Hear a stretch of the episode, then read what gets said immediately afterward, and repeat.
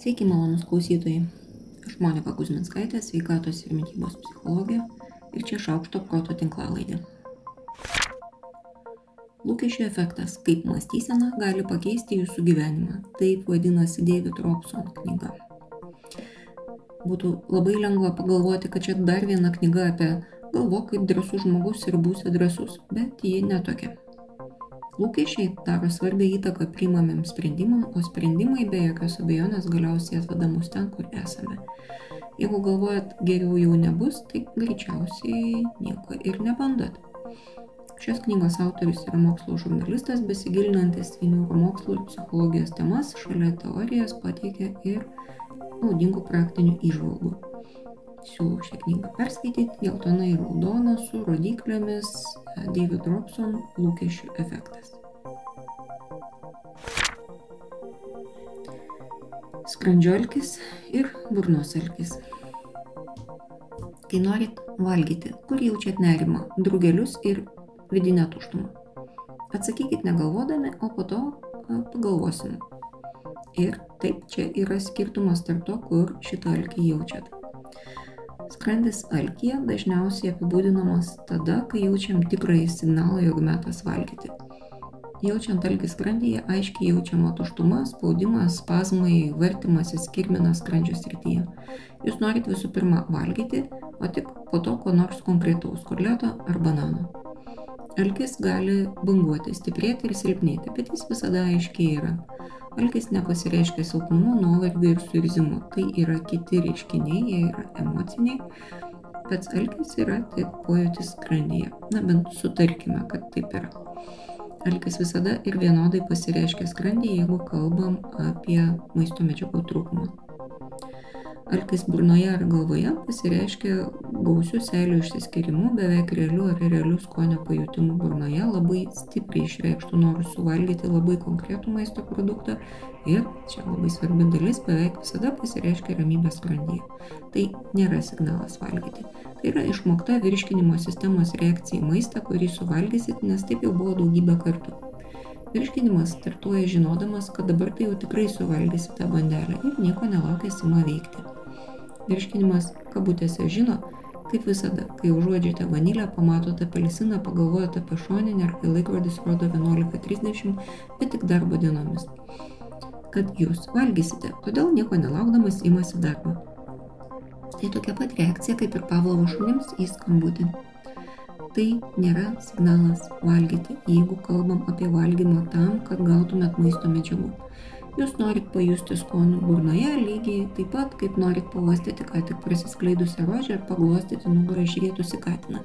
Jūs norit gauti malonių emocijų, bet tai neturi nieko bendro su poreikiu gauti maisto medžiagų ir energijos.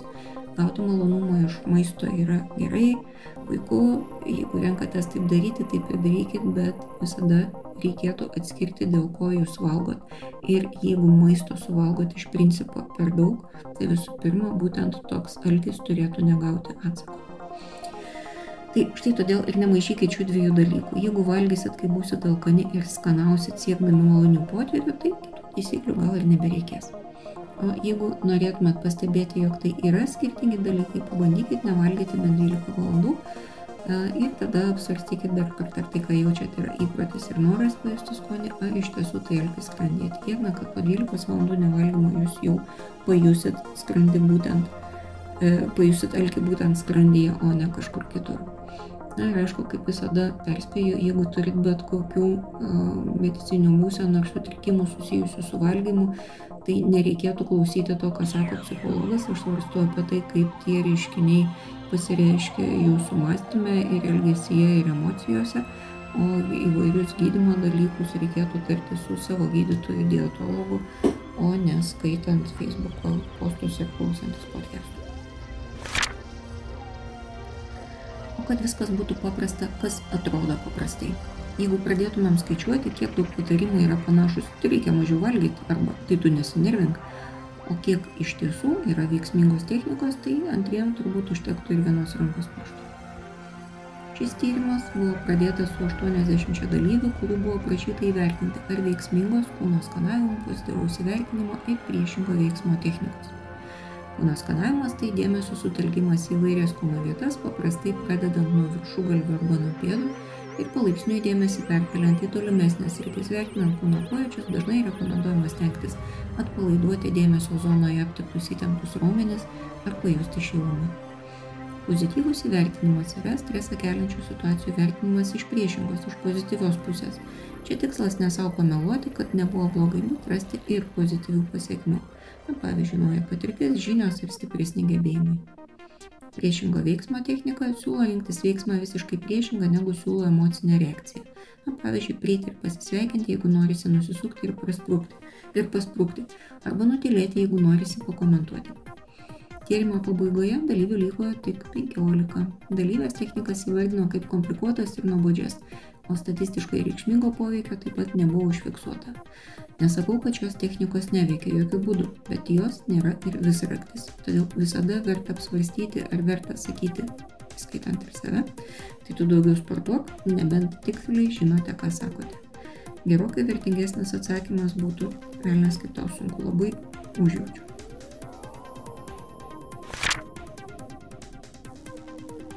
Patyčios vaikystėje atsiliepia psichologiniai sveikatai jau suaugus. Gal atrodo, kad vaikai užauga ir viskas pasimiršta ir tiek tos bėdos? Mm, ne. Šiame tyrimė iš kiek virš tūkstančio dalyvių 13,5 procento augdami patyrė patyčių. Dažniausiai dėl išvaizdos būdavo neįtraukiami veiklas arba būdavo ignoruojami. Man atrodo tikrai labai daug kuo stipresnės buvo patyčios, tuo dažniau suaugusiems žmonėms tai buvo siejama su emociniu ir seksualiniu išnaudojimu. Stipri psichologinio atsparumo savybė šį poveikį reikšmingai mažino. Ypač psichosomatinių sutrikimų, obsesinio kompulsinio sutrikimo, tarp asmenio jautrumo, depresijos ir psichotiškumo atvejais. Stiprus atsparumas sukūriamas stiprinant vaikų pasitikėjimą savimi, o tam reikia leisti jiems mokytis, klysti ir taisyti saugioje aplinkoje, mokant juos pasirūpinti savimi, mokant juos mokytis iš klaidų ir neslėpti jų, mokant vaikus spręsti problemas patiems, o nelaukti, kol kažkas problemas išspręs už juos.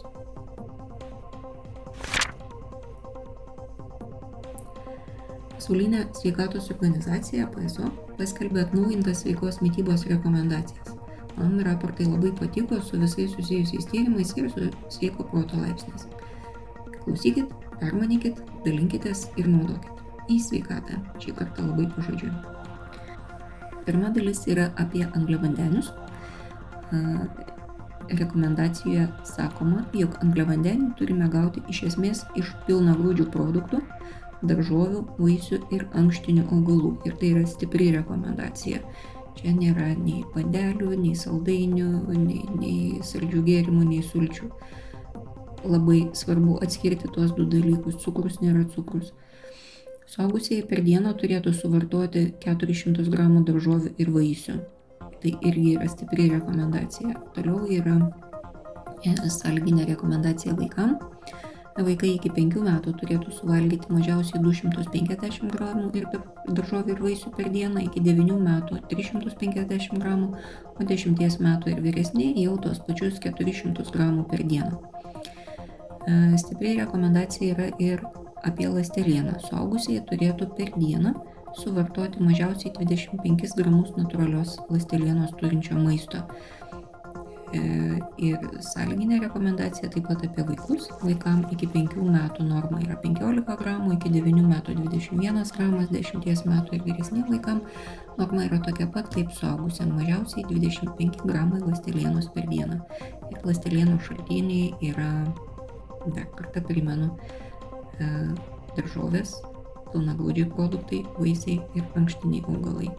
Necukrus, nesaldainiai, nesaldikliai, ne medus, ne kažkas panašaus, o būtent produktai, kuriuose yra ląstelienos. Kiti du raportai yra apie riebalų vartojimą ir pagrindinės rekomendacijos juose yra tokios. Vengiant nesveiko svorio augimo, rekomenduojama vartoti riebalų 30 procentų arba mažiau nuo bendro suvartojimo kalorijų kiekio Vartojami riebalai turėtų būti iš esmės nesočiosios riebalinės rūgštys, nedaugiau kaip 10 procentų suvartojamos energijos turėtų būti gaunama iš sočiųjų riebalinių rūgščių ir nedaugiau kaip 1 procentas visos suvartojamos energijos turėtų būti iš transriebiųjų rūgščių. E, kas yra tokios rūgštys su pavyzdžiais, pasakysiu po to. Sočiųjų riebalinių rūgščių vartojimas turėtų būti mažinamas siekiant vartoti ir dar mažiau nei 10 procentų. Čia jau sąlyginė rekomendacija. Švelnesnė nereiškia. Sočiosios riebalinės rūgštys turėtų būti keičiamos polinesočiosiomis riebalinėmis rūgštimis ir nesočiosiomis riebalinėmis rūgštimis iš augalinių maisto produktų arba angliavandeniais su natūralia ląsteliena. Tie patys pilnagrūdžiai produktai - daržovės, vaisiai ir ankštiniai. Taigi, kokios šitos rūgštis? Sočiosios riebalinės rūgštis yra sviestas, piragas, sausainiai, šoninė, rūkyti ir panašus mėsos gaminiai ir sūris. Čia pavyzdžiai. E, polinesočiosios riebalinės rūgštys yra saulėgražų, kukurūzų, linų sėmenų aliejai, graikiški riešutai, linų sėmenys patys ir žuvis.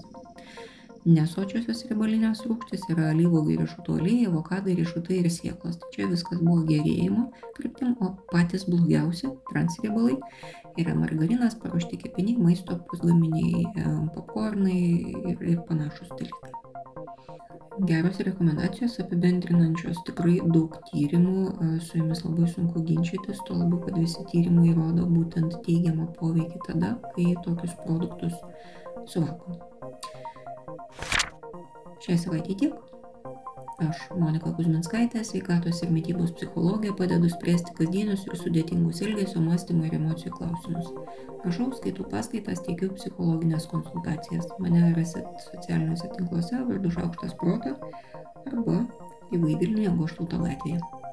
Rašykit man asmenį žinutę socialiniuose tinkluose arba elektroniniu paštu adresu šaukštas.proto atgmail.com. Taikos ir ramybės.